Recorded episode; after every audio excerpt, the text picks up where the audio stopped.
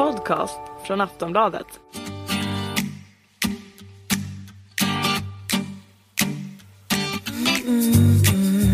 Du lyssnar på podden Aftrus med mig, Helena Trus. I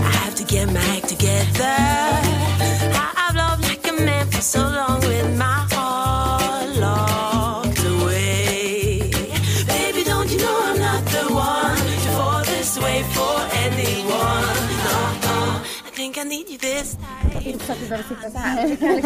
Ja, jag tycker att det är bra. Men så här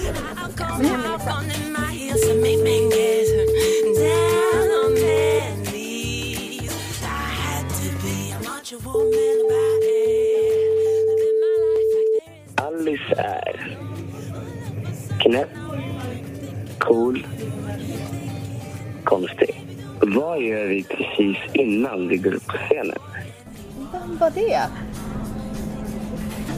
Alltså, jag, nej, jag vet inte. Jag kan ge ledtråd att det är en, en dansare. Bakom dig. Mm, bakom mig, ja. Ja. Kör uteslutningsmetoden. Isse eller Maile? Det är Maile. Maile! Kommer du då du? Knäpp, cool och konstig. Ja, varför tror jag han säger så? Ja, men, det, Knäpp, cool och nej, men det, det skulle nog beskriva mig. Ja, på vilket sätt då? Eh, knäpp. Ja, alltså jag är ju lite... Jag, jag kommer inte ihåg vem jag pratade med, men jag skulle beskriva mig i skolan. Ja. Och jag kommer ihåg att jag var typ the class clown. Ah, ja. Ja. Eh, jag har alltid varit sån. Jag tycker om att skämta och jag tycker om att vara lite så här udda. Så att, eh, det, det är väl jag. ja. Det är du ett bara, den här personen känner mig verkligen. Gud, vem kan det här vara? Vi ska säga det är alltså, ehm, han dansar ju bakom dig eh, i Melodifestivalen Ja. och nu under hela sommarturnén va? Yes, och jag älskar honom. Ja, det är tur. Ja. Jag känner jag jobbar så mycket om. Men har det varit en, just att du har velat eh, blivit så här klassisk clown, har det alltid varit eh, en bekväm roll för dig? Väldigt mycket. Jag är ganska så reserverad. Jag vet inte om bli rätt ord, men jag kan vara väldigt så här försiktig i början när jag träffar någon. Och sen har det blivit eh, ett sätt för mig att ta kontakt med människor. Att jag är den som skämtar mest eller... Vet, ja, det är nästan lite som att man har en personlighet som jag, som jag använder mig av när jag träffar nya människor. Alltså att du går in i en roll kan man säga. Eh, Inte riktigt. Det är inte någonting jag gör, gör medvetet, men jag, jag har den sidan med mig hela tiden. Men kan det vara så här en, en någonting att dölja sig lite bakom? Kan att det. skämta till det lite Ja. för att man... Ja. Undvika svåra saker. Ja, då skämtar man. Ja, ja men fun, funkar du så? Att liksom, Absolut.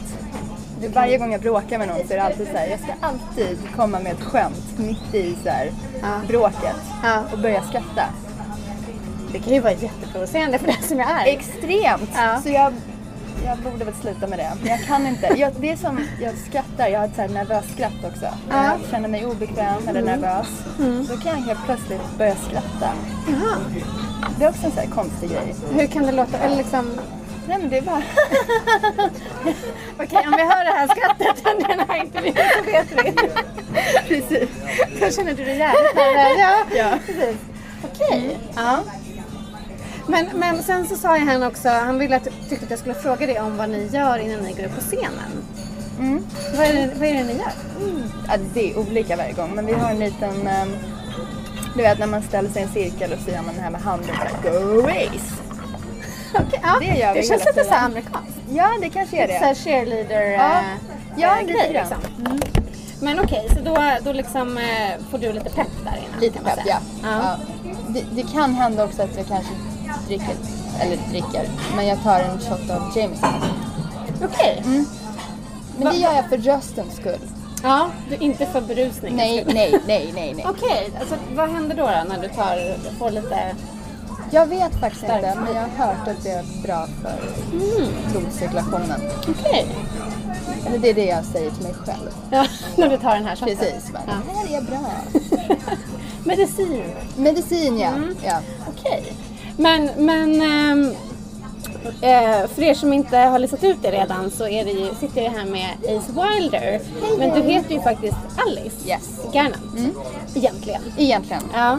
Ehm, så välkommen till eh, min podcast. Har du gjort en podcast förut? Ehm, nej, jag tror inte det. Jo, det har jag faktiskt gjort. Ja. Men um, vad bra att jag kommer ihåg allting nu också. Ehm, Så har du inte en oskulden helt enkelt? nej, Nej. Nej. Men vi ska ju gå igenom massa saker idag Mm. tänkte jag. Ehm, men, men jag tycker vi börjar på nå- någonstans i det som ändå folk tänker när man hör Ace Wilder. Och Ja. det här är ju ditt enorma genombrott i Melodifestivalen. Ja. Eh, hur, hur tänk, när, när du tänker på att, att det faktiskt hände, vad tänker du då? Alltså det, det är svårt liksom, här, att förstå vad som har hänt. Mm. Jag kan titta tillbaka och bara, what? Okej. Eh, för det tog typ, det, det var efter första deltävlingen där allting så här bara smällde till. Helt Plötsligt så hade jag en popkarriär.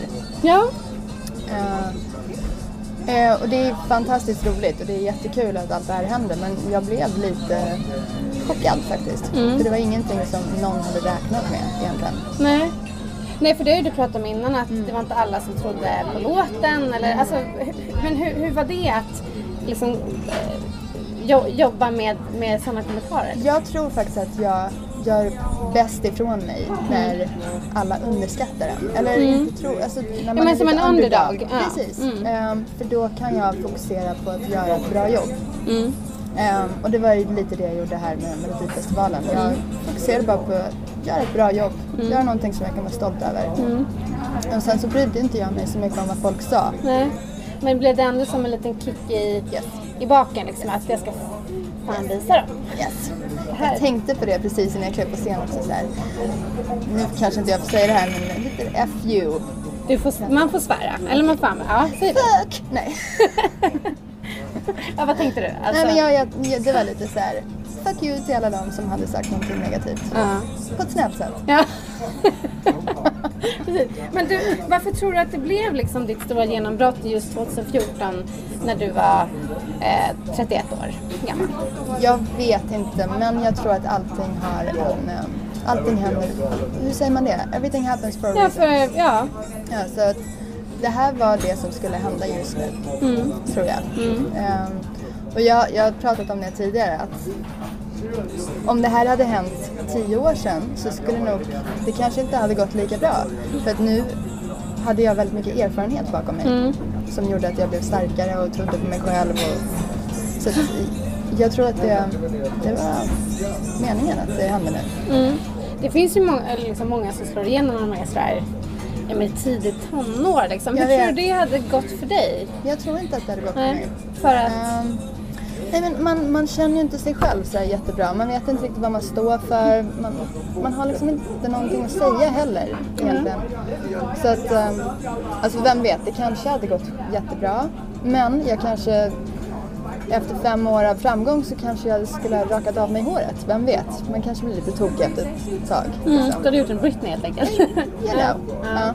Men eh, Tror du att det hade varit svårt att hålla fötterna på jorden och vara liksom... Ja. Fortsätta Ja, alltså det är en stor skillnad mellan innan Melodifestivalen för mig och efter. Ja. Och nu är inte jag någon världsstjärna, jag är inte störst i Sverige, det, alltså det är inget sånt men man, man märker att det är en skillnad. På vilket sätt då? Vad skulle du beskriva? Men folk är lite snällare. Är det så? Ja, shit och jag har aldrig hört så snygg jag är så mycket som jag hör nu. Jag bara yeah, yeah. Gud vad härligt. Vadå så här på stan eller liksom? Ja, eller folk man jobbar med eller Ja. så här, det blir bara en, en annan, inte en jättestor grej, men man, jag märkte av det. Och jag kanske märkte av det för att jag är 31.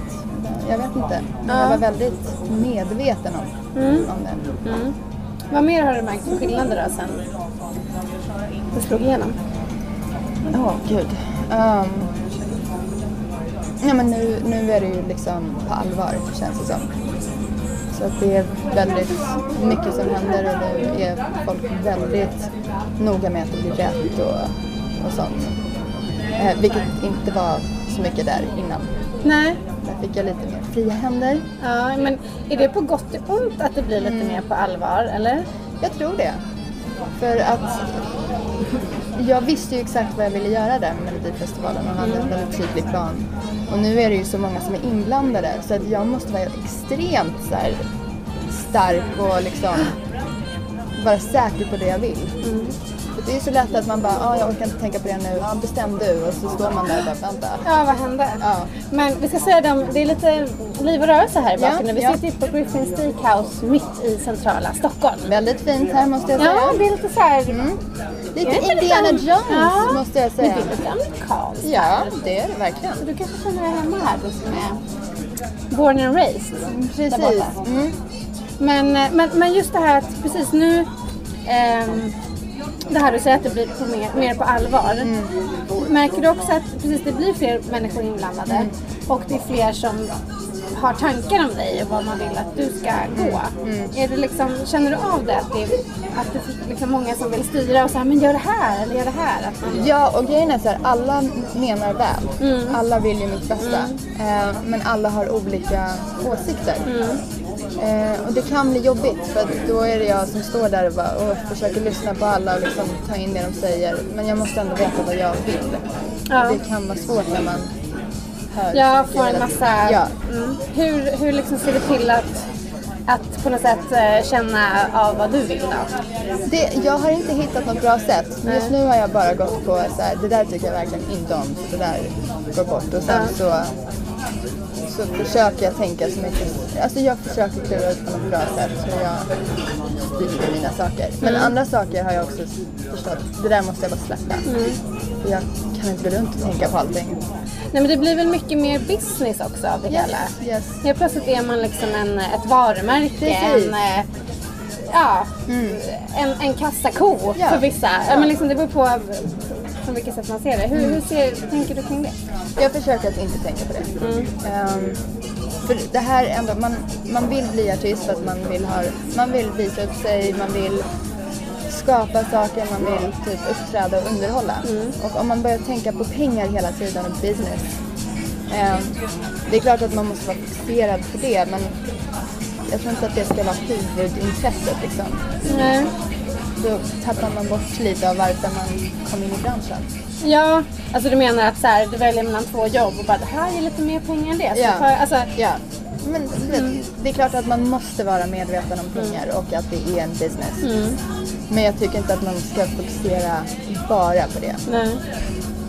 Nej men liksom, vissa människor drivs ju av pengar. Att Absolut. pengar är drivkraften. Ja. Vad, kan du känna det eller vad, vad känner du? Nja, Är det som- Nej, det är inte driv, drivkraften.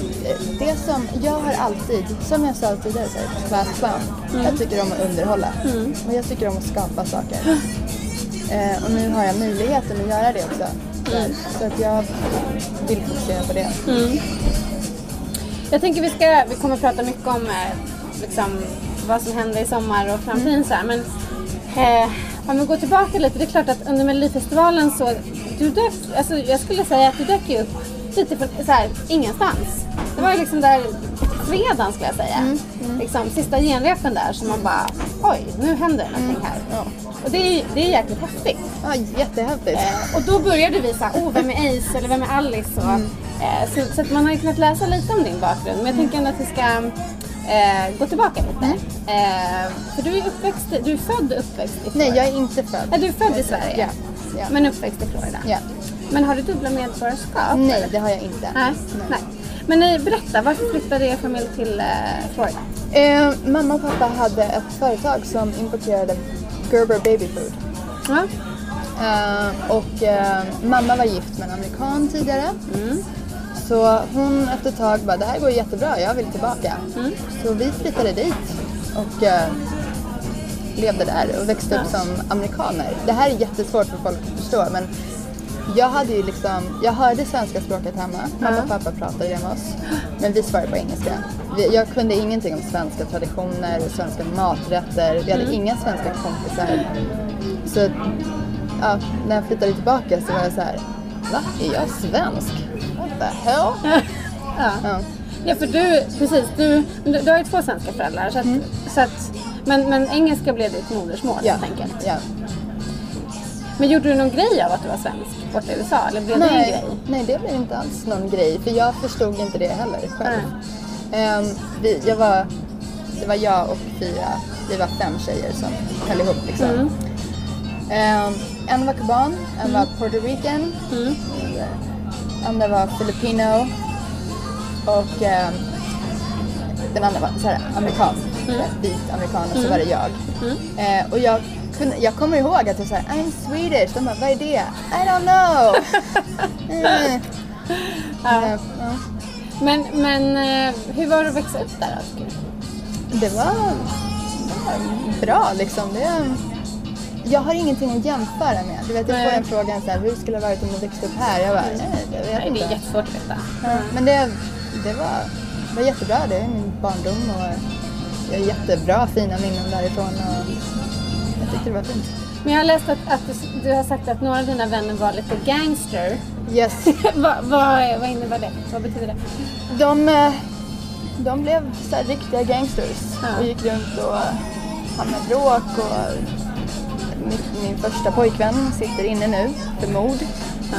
Så att liksom, ja. Ja. Ja, det var, men det var verkligheten där på den tiden. Ja. Nu har de städat upp mycket av Miami Beach men då var det Ja. lite rough. Men hur fann du dig i den liksom, Jag vet miljön inte då? och jag sa det precis till Emma. Jag ska säga, eh, Ja. det är en tredje person här som Ja. inte hör och det är Emma Sundberg som jobbar på Ace skivbolag. Hon sitter här som en eh, sångvakt eller ja, Nu hör ni att hon skrattar lite. ja. Eh, ja, Ja, jag sa det till henne för att jag har alltid varit i min egen lilla värld. Mm. Jag hade liksom inget intresse för killar eller, Nej. eller tjejer.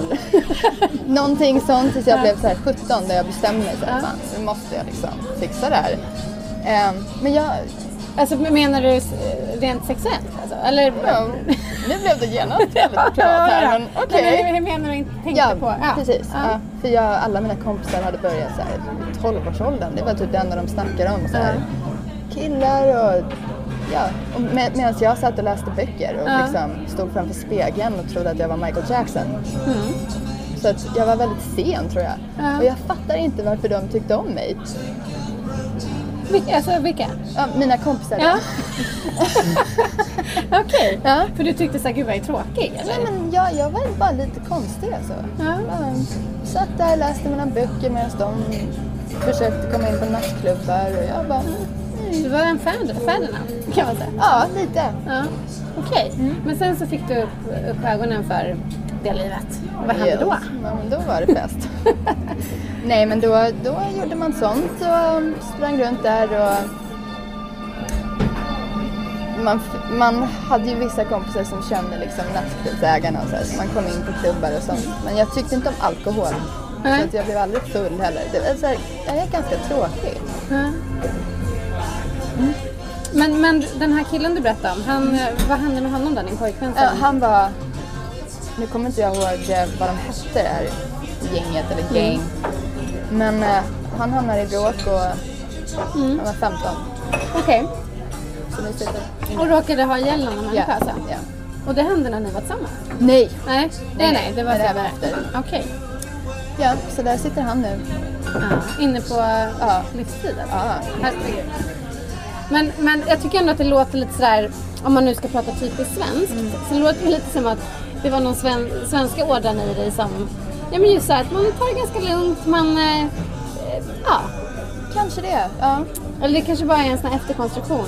Ja, eller, Jag vet inte, Jag vet men- inte heller för jag har Nej. tänkt på det här för min Ja. mamma är ju typ hon är ju inte svensk på något sätt Okej. egentligen. Hon är ju the black sheep, äventyrslust, vad säger man, äventyrs... Listan? Ja. Listan, ja. Hon älskar ju så här, hon är ju väldigt framåt och Mm. Stor och liksom ja. ja, så att jag kanske blev så på grund av henne, jag vet inte att jag blev bara. Lite motsatsen. ja, Ja. vem vet.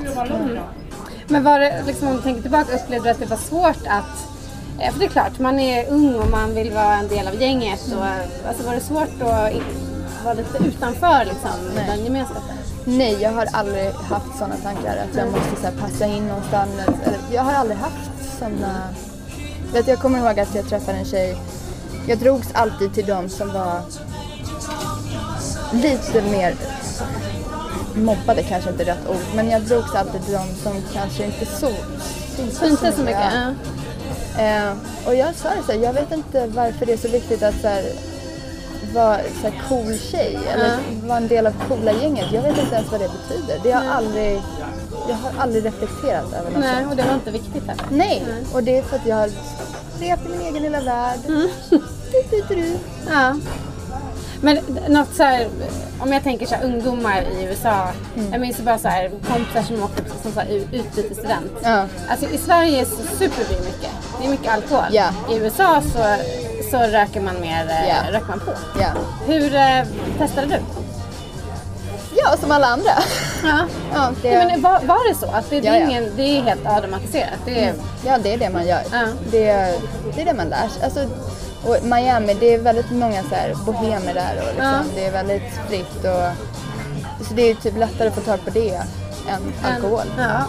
Så att, eh, det är det man höll på med. Liksom. Men det var inget du fastnade för eller? Nej, inte, nej. Jag var ju upptagen med eh, mina böcker och filmer och sånt. Så Ja, att, men det eh, var väl ja, tur det.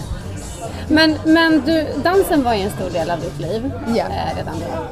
Och du, eh, du tävlade ju i dans Mm.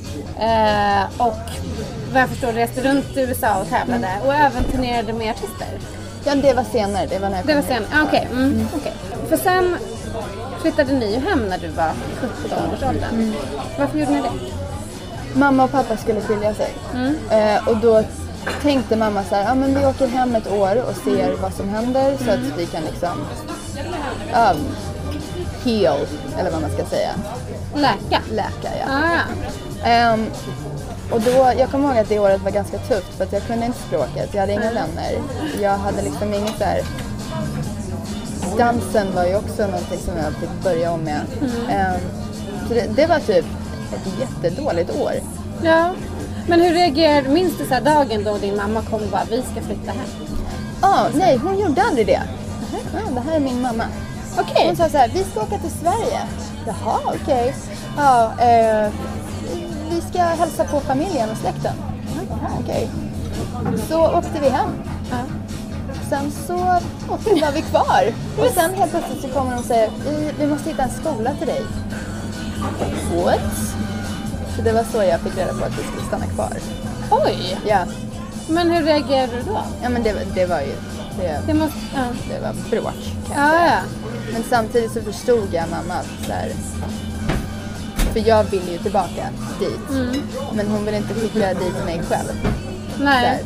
Och då, hon liksom ville ha tid med släkten och familjen och så här, hjälp under den tiden. Ja, Så att- Men gud, så, så att du blev liksom, du lurades till Sverige och Ja. kom aldrig tillbaka till Ja, ja, ja, ja. Men är det en så här, eh, finns det kvar hos dig? Så här, en, en, Nej, nej, för nu kan jag ändå så här förstå hennes situation. Mm. Så här, ja, det är inte lätt och hon vill inte göra mig ledsen. Nej, hon vill inte- så, här, ja. så att det blev som det blev. Och, ja.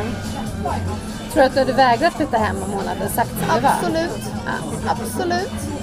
Eh, men man säger liksom inte emot min mamma heller. Okej. Så jag skulle typ bråka och skrika Ja. och sparka och Ja. slåss men eh, till slut så får hon ändå som hon vill. Okej. Okej, men, men din pappa var kvar i USA eller flyttade han också hem? Han flyttade hem. Okej. Så att du fick liksom gå igenom en... Dels att, att dina föräldrar separerade, skildes och du, du fick också genomgå en separation med din, ditt hemland kan man säga. Ja. Ja. Ja. Hur, hur påverkade det dig då, skulle du säga? Alltså jag, det, hela det året, alltså jag kommer ihåg, jag blev tvungen att sluta dansa för att jag hade en inflammerad sena i foten. Så det gick bort. Så under, efter en månad så hade jag gått upp 10 kilo. Okej, för att du inte tränade längre? Precis. Okej. Aha, så att då vägde jag ganska mycket. Vad, minns du vad du vägde? Jag tror att jag vägde 64 kilo. Mm. Eh, kolla vad jag har kollat så här. 64 kilo. Eh, jag fick tandställning. Ja, Eh, tågräls. Du vet, ja. Ja. Precis. Ehm, jag fick lite akne. Mm. Hade eksem, vilket jag alltid har haft, men Ja. då blev det så här ännu värre. Ja. Ehm, det måste ha varit mer jag fick. Alltså det var, det var ingen bra period för mig. Nej, Ehm, all skit kom på en gång. ja, och sen så insåg jag så här. okej nu måste jag skaffa lite vänner här. Och jag är jättedeprimerad. Shit. Så fick jag liksom jobba på det. Ja. Och då blev jag ännu mer så här, klassens clown. Liksom. Ja. Var det där du tog till den sidan hos dig? Mer än tidigare. Liksom. Ja. Men med alltså, att komma hem, precis, du, du kunde lite svenska. Jag förstod alltid. Men jag kunde inte sätta ihop meningar. Jag vet inte varför. Men hur klarade du dig i skolan? Du... Jag gick på um, en engelskspråkig linje, Okej. International Baccalaureate. Mm. Ehm, där mamma hade faktiskt lurat dem och sagt att hon pratar flytande svenska. Alltså din mamma! Jag måste jo, träffa den här ja, kvinnan. Ja, Hon verkar väldigt eh, spännande. ja. Nej, så hon, Okej. Jag fick en plats ute i Saltsjöbaden, samskola. Ja. Och sen så insåg mina lärare ganska snabbt att nähä, hon pratar inte alls svenska. Så det, det blev så här ett, ett klass, en klass, vad säger man, klassprojekt att få mig att prata mer svenska. Oj, ja. alla skulle hjälpa till. Ja. Nu ska vi lära alla Ja. svenska. Ja. Okej. Det var roligt. Men så du kommer hem som liksom tonåring. Livet har liksom förändrats drastiskt. Yes. Och så kan du inte ens kommunicera med... Nej, men alla pratade engelska. Okej. Så alla andra lektioner var på engelska. Det var bara den här svenska lektionen Ja. två gånger i veckan. Där jag satt knäpptyst i två år. Vägrade prata. var du rädd för att det skulle bli fel eller? Ja, för att jag visste exakt hur det skulle låta när man pratade svenska. Men Ja. jag kunde inte få till det. Nej. Och då var jag bara, nej. Så jag satt helt tyst. De kunde fråga mig saker och jag bara, Men gjorde det, just liksom, även om du var så klassens clown fortfarande, liksom, fortfarande, blev du mer introvert av det? Att, nej. nej. Nej, jag fick... På, på alla andra lektioner så var jag typ... Oh, oh, oh, höll jag på. Men just den lektionen så var jag... Ja, var knäpptyst. Och alla, det blev liksom skämt efter ett tag. Ja. Men fick du vänner då? Ja, det fick jag. Jättefina vänner. Men, men hur, som du berättar alla de här, att det hände mycket jobbiga saker på en gång. Hur började saker och ting reda upp sig inom sin tid? Eller hur? Ja, hur alltså jag, jag accepterade situationen Ja. efter ett tag. Vilket det, man, det är ju det man måste göra för att gå vidare. Så att jag accepterade att ja, nu är jag i Sverige, nu måste jag skaffa ett liv. Jag har inte dansen längre så att jag måste, jag måste hitta något annat. Ehm, det var lite det jag gjorde. Bara, tog, bara såg framåt hela tiden. Ja. Men var det svårt att komma vidare? Nej. Nej, jag, jag har förstått att så, här, så fort man accepterar någonting, att nu är det så här, då kan man börja liksom bara gå. Minuten efter så börjar man gå vidare. Ja. Och det var det jag gjorde. Sen har jag inte jag tittat tillbaka. Ja. Men kom du underfund med det själv eller liksom? Ja. Jag bara, så här är det nu. Fuck it. Jag har hittat ett nytt liv. ja. Och det blev ju dans också. För du, Ja. du började, men det här i foten, du fick alltså en, någon slags Ja, jag tävlade. ja, Jag tävlade i USA. mm, i jazz... Eh, Showjazz. Showdance. Ja. Ja. Eh, och eh, jag, eh, jag skulle bevisa för de här tjejerna som hade sagt att jag inte skulle vara med i den här gruppen att jag var bäst på att dansa. Så jag åt steak till frukost och sallad till middag eh, i typ tre månader. Var ute och sprang, dansade tills jag typ dog. Och där fick jag en inflammerad sena som sen började visa sig när jag kom till Sverige. Aha. Ja. Men jag vann det här fina priset så det var, det var värt det. Vad vann du för pris då? Eh, det är ett så här freshman of the year. Ja. Alltså så här ny dansare så att jag bara, Okej. Så det var värt det nästan? det var så värt det. Men, okej, men hur länge höll, höll... För du hade väldigt ont i foten då? Ja. Jag kunde knappt gå. Och jag hade börjat på yrkesförberedande på Balettertermin. Ja, just det. Ja, så det var där jag hängde. Precis. Och sen, alltså det gick inte till slut. Det, jag kunde inte gå. Och jag är en sån där som bara vägrar så här, acceptera att jag är sjuk. Ja. Eller att jag har ont någonstans. Ja. Så det blev ju bara värre och värre och värre. Hur länge dansade du på en, en eh, ond fot? Det var väl några månader. Ja. Minns du när du kände så här, det här går faktiskt? Ja, det var i USA. Ja, det var, ju, Det var det var då. ja. Ja. Mm. För du Eh. åkte tillbaka dit då Ja. och dansade? Okej. Så hur länge fick du liksom hålla uppe dansen? Det var, det var väl efter gymnasiet där jag hittade... Ja, det är en lång historia. För jag kunde inte dansa på typ två år. På två år? På två år. Och sen när jag tog studenten så sa min mamma så här, ja men nu ska vi hjälpa dig med din popkarriär. Okej, tänkte jag, det här är ju skitbra. Eh, så hon ringde runt lite, pratade med olika producenter, frågade hur ska det här gå till? Hur gör vi? Ja. Och då gick jag in och eh, sjöng hos Johan någonting hette han. Det här var i Sverige då? Jag var i Sverige. Och, eh, och genom honom så träffade jag två andra tjejer. Så vi bildade en, en tjejgrupp. Just det. Ja. ja. Och då genom dem så träffade jag en koreograf, Lito. Som, Mm. Som nu dansar bakom Ja, dig? ja. Just det. Och eh, han visade mig vad streetdance var. Mm. Och efter det var jag helt kär. Okej, så att då bytte du Ja. Men den här gruppen som du startade var ju bland annat med, det var väl med eh, Alina, Mm. Flytta mig. Eh, ja, det här efternamnet hon har är ju... David ska man ju- Cherski. Precis, David. Ehm, men precis, och ni, ni, släppte ju, ni släppte ju låtar. Ja. Det gick väl inte sådär jättebra. Jag lyssnade på Betty Ja. Mm. eh, igår. He's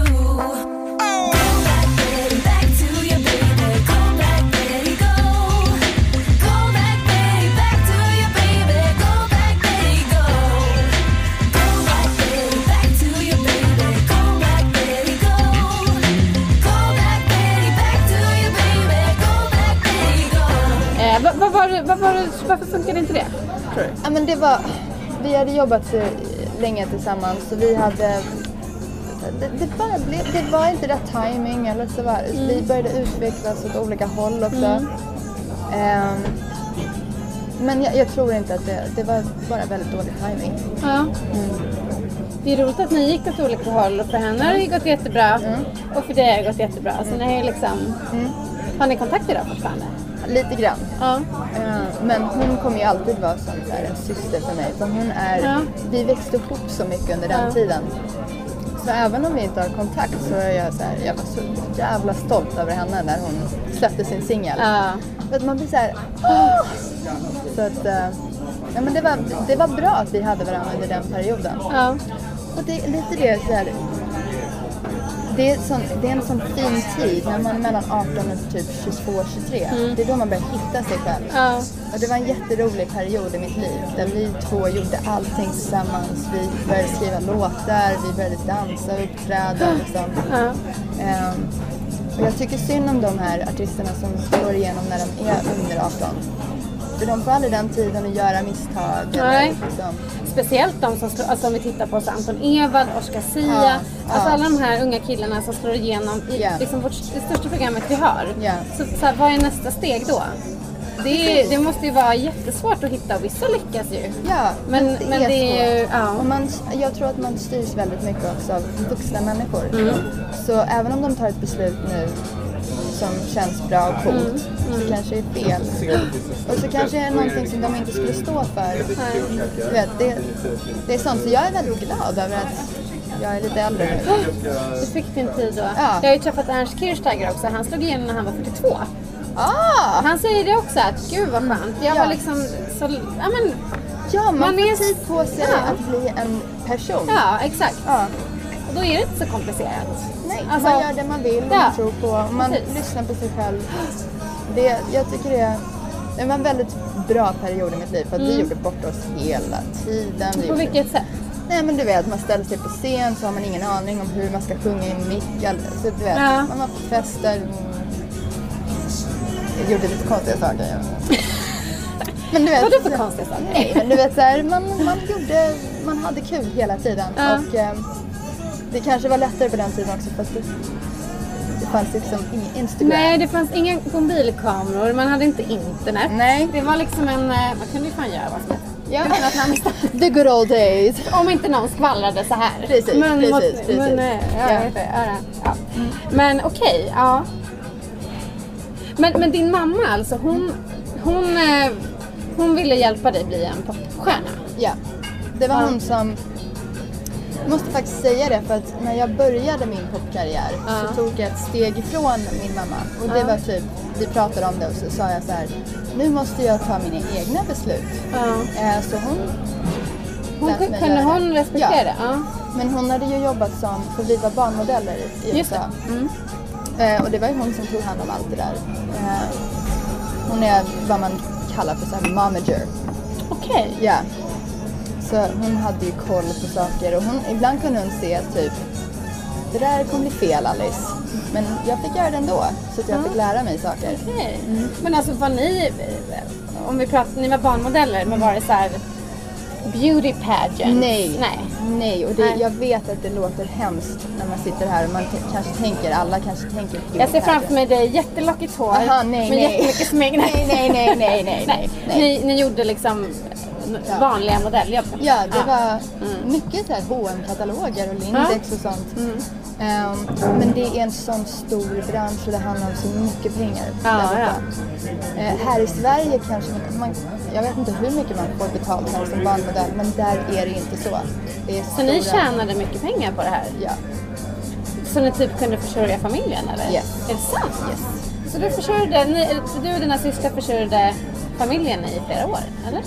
Ja, mamma jobbade, pappa, du vet, men det blev en så här stor, efter ett tag, min, min lillebror Ja. blev toppmodell som barnmodell. Ah, Så just runt den perioden när vi skulle flytta hem så tog mamma det beslutet så här. Antingen så satsar vi helt på Max och åker till LA.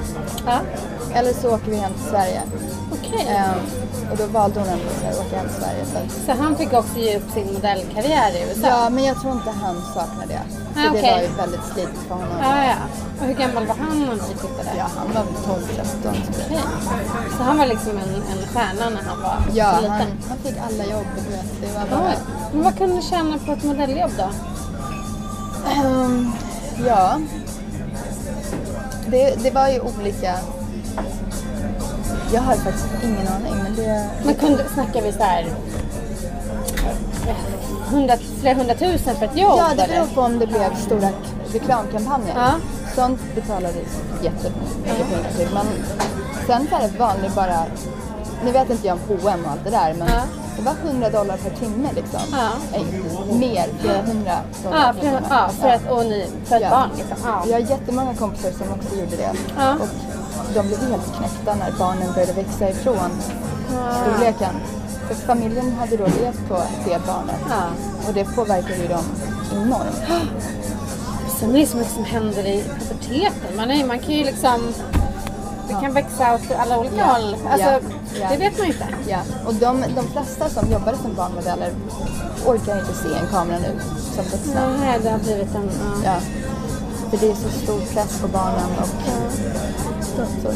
Kände du press? Minns du om du gjorde det? Nej, för jag växte ifrån det där ganska snabbt. Ja. Alltså, storleken, jag hittade dans. Ja Så det okej. blev min räddning tror jag. Men du blev liksom för gammal inom citationstecken när du var Ja. typ 12-13. okej. Ja. Och då sa de så här, tack men nu är du... Ja, det, det, det började komma no mycket mer. Ah, Ja, och då var jag såhär, ja faktiskt. okej. Gud vad sjukt. Men det är klart, då kan man gå över till att bli vuxen eh, modell. Men det... Fast jag hade inte riktigt längden där heller. Okej. Så Nej. Det, var, det var bara dansen som gällde för mig. Det var, jag tror att den perioden då kanske var tuff. Men nu, jag insåg ju såhär, fan jag, Ja. jag lärde mig Du får svara. Ja, jag är så van vid såhär. Nu, Amerikansk tänk, så här. Ja, ja, nej, nej. Man får, här får man svara. Ja. Nu jag- kommer din Tourettes Ja! Allt du inte fått säga under alla dessa år. Nej men jag, jag lärde mig att ta nej på ett bra sätt. Ja, Det var liksom såhär, ah, det här är bara business. Nej. och inte ta det personligt alltså. Ja, och mamma förklarade såhär, det har ingenting med dig att göra. Mm. Det är bara, du passar inte in just nu. Okej. Okej. Men så du liksom är i Sverige, du har startat den här Paper Moon Dragon med eh, Alina bland annat. Och eh, du, du har bestämt dig för att jag ska bli jag, jag vill, du vill satsa på artist- artistkarriären. Ja. Och du klipper lite navelsträngen med mamma helt enkelt. Ja, ja. ja, ja. Hur, hur liksom, eh, var det här början av en period eller, eller liksom? Nej, det var- Då det var var- det såhär, nu vill inte Ja. jag att vi jobbar ihop. Ja. Eh, och det var ganska självklart för min mamma, precis, hon tar ju upp tid här också. Jag pratar om henne hela tiden. Jävla skit. Men hon är en sån dominant person. Eh, Ja. och jag kände när jag var 18-19 så här, jag måste kunna så här, Ja. ha egna historier och ta Ja. egna beslut och sådär. Så det var Men det är ju inte så lätt, alltså jag menar det är ju så lätt att tänka att det kan ju vara svårt att klippa navelsträngen då. Väldigt För att man inte vågar, man vågar inte stå upp mot sin förälder. Sådär. Eh, men har det, har det varit liksom ett problem i er relation sen att du gjorde det? Eller hur Nej. skulle du beskriva att det Nej, jag, jag kände bara så här, åh, när hon hade rätt. Då tyckte jag det var jättejobbigt. Vad, vad hade hon rätt om? Nej men så här, det där kommer inte bli bra Alice. Och då kunde jag säga, ja det kommer visst bli bra. Och så blev det inte bra. Så Det här med eh, gruppen alltså? det, det, hon trodde på det. Alltså, Ja. hon, var väldigt, hon är väldigt stöttande. Ja. Men eh, vissa beslut jag tog, eller vissa klädesval, och det var... Jag hatar när hon har rätt. ja. är det så fortfarande? Om hon... Ja. Men hur mycket lägger hon sig i idag då? Inte mycket. Hon är, Nej. hon är bara väldigt, väldigt stöttande. Extremt. så Ja. Hon är min biggest fan liksom. Ah, ja, ni har, men vad skönt att ni har hittat en så här balans. Ja, ja. Men din pappa då? Hur, hur, eh, hur är kontakten med din pappa? Sådär. Mm. Jag, alltså, som de flesta, eller som många vet när det blir skilsmässa, så Mm. även om man inte vill välja en sida så gör man det. Ja. Ehm, eller det var ingen som tvingade mig att välja en sida, men jag gjorde det och jag valde mammas sida. Ehm, och jag bara tyckte att det var liksom, just då så var det lättare. ja. Eh, och det har ju påverkat vår relation. Okej. Nu, men det, det är lugnt. Ja. Har ni rätt ut det på något vis? Eller pratat om det? Vi Eller? har bara inte pratat så mycket om det. Så att vi, vi hörs lite då och då. Ja. Allting är lugnt. Liksom. Men det... Ja. Men är det, är det någonting som... ehm, liksom, man kan ju ha saker som är ouppklarade i sitt liv som liksom någonstans ligger och stör hela tiden i bakhuvudet. Är det, är det så det känns eller har du mer bara landat i det? Nej, Det det det, är ingenting som jag skulle vilja gå tillbaka och så reda upp eller reda Nej. ut. Eller, nej, det, det är som det är. Och, ehm, och ehm, vi gjorde det bästa vi kunde just då. Och då kan man liksom inte ångra sig. Nej. Ehm, Men, men eh, liksom, kan du sakna att ha, för du verkar ha en väldigt stark relation med din mamma. Kan du sakna att ha det med? Absolut, för att det var ändå han som så insåg att jag hade danstalang. Han gick Okej. på alla mina liksom, Ja. eh, dansuppvisningar och så. Eh, men det funkade verkligen inte mellan de två. Nej. Och jag tyckte det var väldigt jobbigt. Så att jag bara, "Åh, det här är... Ja, Eh, jag tror att det påverkade mina syskon mer. okej. För Jag var, jag var lite äldre så att jag tog det här beslutet och bara kände att det här är rätt. Ja. Eh, och han förstod också någonstans. Han förstod. Här, fine. Det är inget agg eller det är, inte- det är inte så att vi bråkar om det. Nej, men det är bara, det är bara så det, Ja. så det är. Men, eh, men liksom, hur, eh, hur kommer det sig att du ville ställa upp med Melodifestivalen? Är det något du har gått och tänkt på? Eh, nej, faktiskt inte. Jag hade liksom ingen plan. Eller du vet, det, Nej. var ingen så här, det var ingenting som någon diskuterade. Ehm, tills vi skrev den här låten, Busy Doing Nothing. Mm. Och då tyckte min mitt skivbolag då att så här, ja, men vi provar och skickar in Ja. Och då blev det lite så här, det, även då var det liksom så här, "Nja, det där kommer verkligen inte hända. Kände du det eller var det från... Nej, jag trodde alla Ja. trodde det. För då hade han, eller vem då, mitt skivbolag, som, eh, som sa, ja men var beredd på nu att låten kanske kommer med, men du, är, liksom, du kanske inte kommer med. Okej. Så det var lite såhär, ja, Ja. okej. Så du, ni skickade in där och du tänkte inte så mycket på det eller? Sen fick jag ett samtal när jag var i Madrid. Ja. Ja, där jag fick reda på att ja, nu har du också kommit med. Så här, du och låten. Och jag bara, no wait, va? Jag måste börja repa. Men var det självklart att säga ja?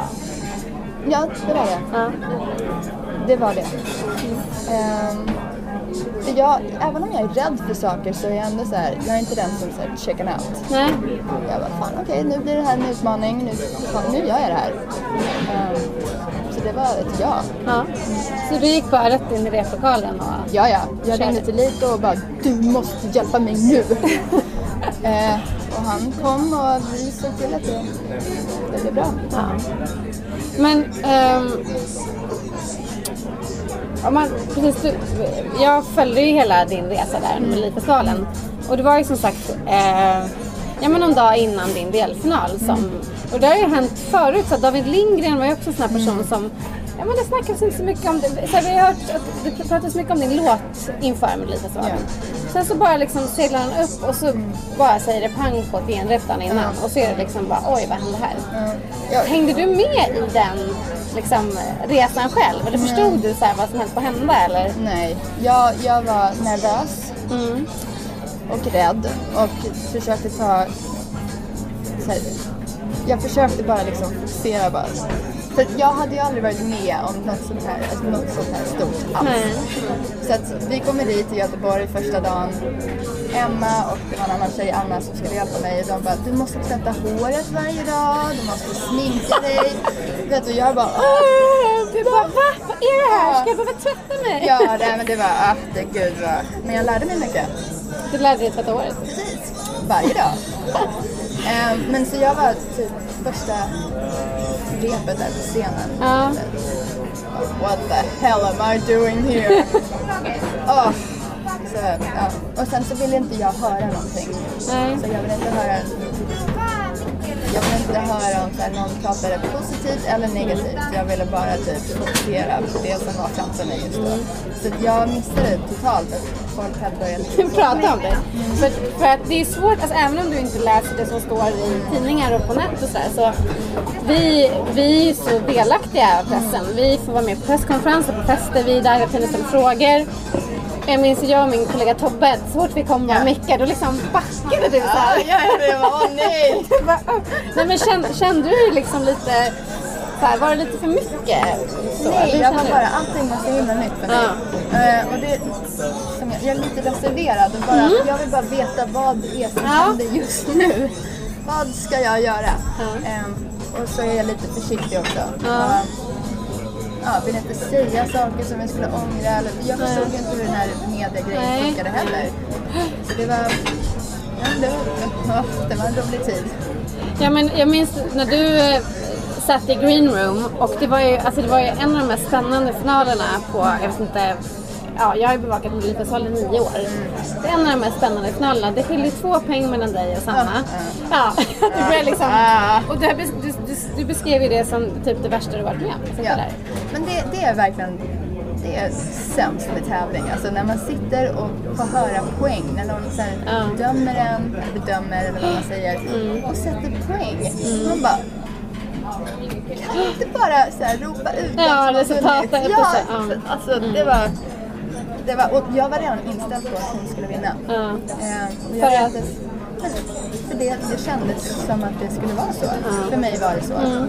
Eh, så jag var inte besviken, jag var inte ledsen. Eh, och jag var så här. Ja, jag var bara förberedd på att hon kommer vinna. Mm. Det här kommer inte påverka mig, jag kommer inte bli ledsen. Men när man sitter där kollar på Ja. poäng, alltså jag har aldrig svettats så mycket i hela mitt liv. Du ville bara gå därifrån. eller? Yes. Men hur kändes det att nästan faktiskt, jag menar Sanna, Sanna Nilsson är ju typ en inventarie.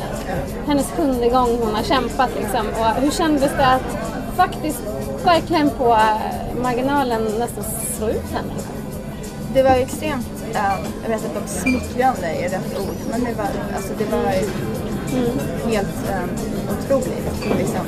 Ehm, ehm, ja, jag vet inte vad jag ska... Men vad gör det med, alltså vad gör det med ens självförtroende och självkänsla att bara få en sån jäkla...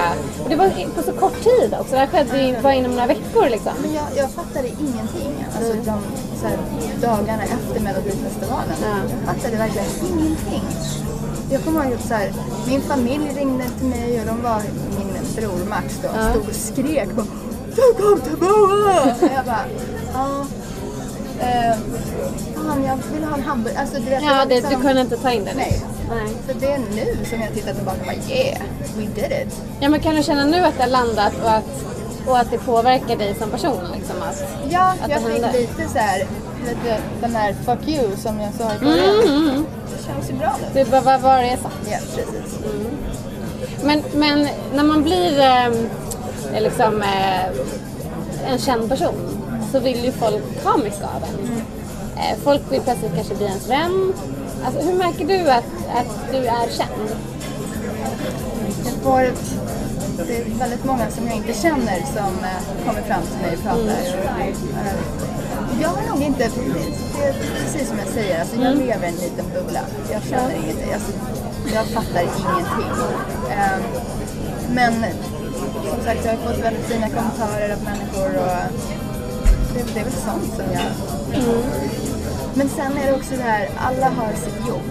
Sen när folk så här, vill bli vännen och så här, ställa frågor, jag vet att det är deras jobb. Så jag, jag vet inte om jag tar det så...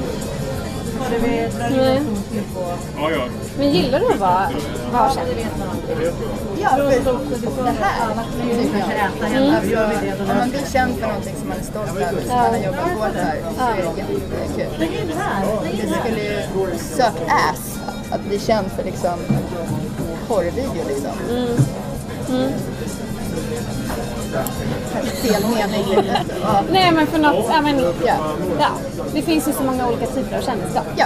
Kan man säga. Men vad skulle du säga, alltså, just att man, det är lite som att bli väldigt känd i Idol eller Melodifestivalen. Det, det är två så extremt stora program och nästan liksom, det är så stor del av, av Sverige på något vis. Kan, kan du känna dig ibland fånge i att du är med, liksom, Melodifestivalen och Ace Wilder, det är liksom, just nu är ni Det, är, ja. det, det kan vara lite jobbigt för att jag, ibland kan jag känna att det finns Melodifestivalen, Mellovärlden och så finns det musikbranschen. Ja, I precis. mellovärlden har jag inte riktigt så här, det finns jättemånga hardcore liksom mello-fans som inte tycker att jag är mello. Ja. Och sen i musikbranschen kan jag känna att de tycker inte jag är musikmänniska heller. För att du har varit med i Melodifestivalen? Precis. Ja. Så att jag, det, Kan du, hur skulle du beskriva det då? Var, var, var någonstans i musikvärlden är du? Jag vet faktiskt inte. Alltså jag är låtskrivare, jag ser mig själv som en artist. Eh, sen var jag med i Melodifestivalen och det var min väg liksom. Eh, det var mitt sätt att komma in i Ja. musikvärlden. Är liksom Melodifestivalstämpeln något du, du vill tvätta bort? Nej, alltså jag var med i Melodifestivalen, jag tyckte det var skitroligt, det, det gick bra, så att jag är stolt över det. Eh, men jag tycker det är lite jobbigt att folk bara liksom pratar, alltså inte pratar om Melodifestivalen, men att ser mig bara göra det. Ja. Eh, men vi får se vad framtiden liksom, vad, vad som händer då. Jag vet inte. Nej. Det kanske blir Melodifestivalen igen. Who knows? Jag vet inte. Ja, men du känner i alla fall så att det, det är inte något som så här, ah, aldrig mer. Nej, men, jag är stolt över det jag gjorde. Jag, jag skulle inte ta tillbaka det på något sätt. Så. Och sen om folk vill fokusera på att jag bara är mello, okej. det- ja.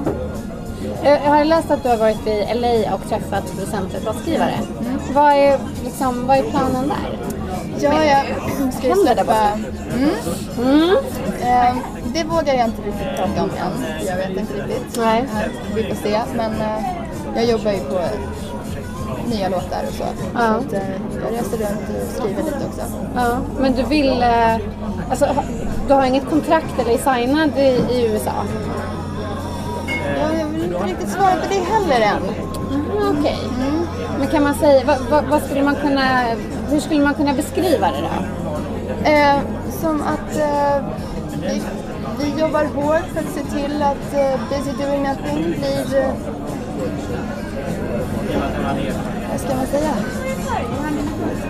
Större? Nej, jag, nej jag vet. En världshit? Kanske det ja. Ja. Men, men som sagt jag är väldigt fokuserad på det som händer just nu. Så jag, det jag tycker inte om att prata om det som kanske händer. Nej, jag förstår. Samtidigt är man ju nyfiken. Ja, jag vet. Man ville jag liksom vet. så här, men om man säger så här, det, det, det pågår liksom ett jobb och, och diskussioner i USA hur du skulle kunna lanseras där. Kan man, kan man säga det så? Ja, man kan säga det så. Ja. ja, men då, och den här frågan får ju du hundra gånger såklart. Men just när man får en sån här monster första hit, hur fasen, ja men hur, hur tappar man det eller hur man upp till det? Jag vet inte. Nej. Jag har ingen aning. Nej. vill helst inte tänka på det. Åh, nu börjar det klia överallt. Nej, Ja. Nej jag vet inte. Jag, jag, ska, Är det jobbigt att det blev så stort på, på det sättet? jag tror att det, det är lite jobbigt. För att det går liksom inte att bli större på något sätt. Nej. Här, that was it. Ja. Men ja, jag, som sagt, jag kommer försöka skriva musik som jag tycker om och är stolt över och, och andra singeln. Vi, vi får se hur det går. Men eh, ja, det är inte lätt. Nej. Nej. Men åh, vi kan göra en liten, eh, en liten lek. Okej. som jag gör här, i, den här i det här programmet. Och det är så här, eh, eh, jag tycker ju man ska ha lite självdistans, det är kul. Absolut. Ja, nu ska jag visa lite. Ja. Nej, men kvällstidningar är ju, det finns ju vissa ord som är väldigt mycket kvällstidning. Okej. Nu kanske du, men du har ändå bott här länge, så du har säkert, men det finns ju så här, vi har ju liksom överanvänt ord som chock och kolla, ja men du vet. Så. Eh, så att då har jag en liten lek här med lite olika typiska kvällstidningsord som vi ska driva lite med. Okej. Eh, så du ska få dra en lapp här och så ska vi prata lite kring, kring det. Om du, eh, ja du får ta en liten. Åh, mystisk sjukdom! Ja. Det här är någonting som är jätteroligt. Så tre veckor efter Melodifestivalen där, så var jag på gig i Sälen. Så kliver jag av scenen och så såg jag att jag hade typ röda prickar lite här och där och jag bara, ah, okej. Ja, för jag är lite aller- allergic child. Ja, så bara- exempel. Ja. Så jag bara, okej det där är ingenting. Vaknar upp morgonen efter, över hela kroppen. Röda prickar? Så röda, alltså inte bara prickar men så liksom. Ja. Ja, ehm, det gick en hel dag. Ja. Var kvar där och jag bara, gud, det här är inte okej. Så jag fick åka in till akuten så fick jag veta att jag hade nässel, nässelfe- nässelfeber. Jaha. Ja. Det är väl inte mystisk sjukdom? Jo men det, det ju mystiskt för mig. vilken panik. Ja. Och det liksom kliade och var... Det såg värre än vad det var liksom. Det, det var inte fint att titta på. Mina dansare bara, åh kan du snälla inte sitta bredvid oss? Smittar det här? Ja precis. Men smittar det eller? Nej, nej, nej. Det, är, det är allergi eller så kan det vara stress eller... Okej. Okej, så du fick typ penicillin eller? Nej, allergitabletter. Okej, och då gick det bra? Ja. Men, men apropå just stress, det kan ju göra konstiga saker med ens kropp. Eh, har, du, kä- har du känt mycket stress efter mars och finalen? Ja, med tanke på att jag sjunger om att vara lat Ja, så blev det blev en annorlunda livsstil för mig. Ja. Det här med att eh, man måste vara tillgänglig hela tiden. Det finns alltid någonting att svara på eller ta beslut eller gigga. Gigga är typ det roliga. Så. Men eh, det... Men att hela tiden, ja, i- du får aldrig vara i fred. Nej, och jag får inte kolla på TV heller. Jävla ja, men jag förstår. Men är det svårt att ge upp sin, sin tid, sitt liv? Alltså det blir ju att viga sitt liv åt det här. Nej. Nej, det är verkligen inte det. Jag fick ju så här, jag har ju gjort den här rundan när jag ringt upp familj och vänner och sånt. Bara, jag kommer inte ha tid nu i sommar. Förlåt så jättemycket. Jag kommer missa födelsedagar och Ja. vet. Men de förstår det och det är det här jag har drömt om. Så Ja. det är väl, just nu så känns det inte som att jag har gett upp någonting. egentligen. Nej, men kan du vara stressad över, så här, om du tänker så här, gud tänk om telefonen slutar ringa? Det, det kan vara. Men jag är också medveten om att så här, det, det kan hända. Ja. Och det är därför jag försöker ha lite avstånd Mm. eh, från hela liksom, cirkusen som är musikbranschen. Jag försöker verkligen inte ta åt mig alla komplimanger. Och, liksom, och, så att man vet aldrig vad som händer. Har du någon plan B, Lasse? Liksom något som... Nej, det har jag faktiskt inte. Uh, jag har ju pluggat socialantropologi så jag kan ju bli socialpart liksom. Mm. Men jag kommer säkert jobba i musikbranschen. Ja. Kan du leva på musiken idag? Det kan jag. Mm.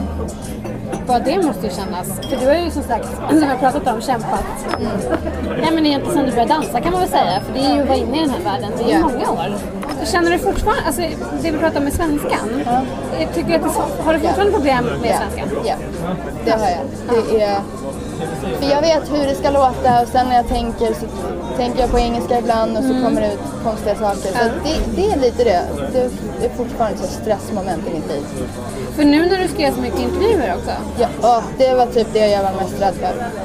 med språket. Ja, det är språket. Det har alltid varit språket. Men, och nu är det så på engelska också. Ja. Det är exakt samma grej. För nu ibland när jag pratar så bara, vänta, oh, shit. Nu är det liksom någonstans mellan... Ja, så jag pratar extremt bra svengelska. Ja. Men det gör ju Victoria Silvstedt också. Och det funkar, ju för henne.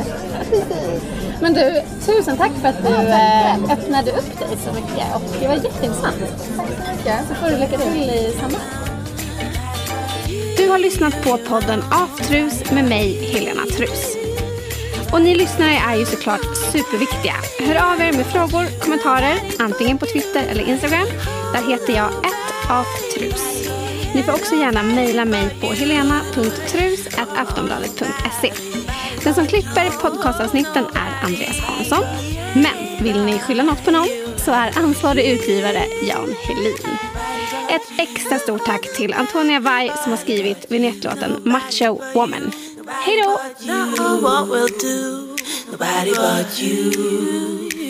And nobody but you.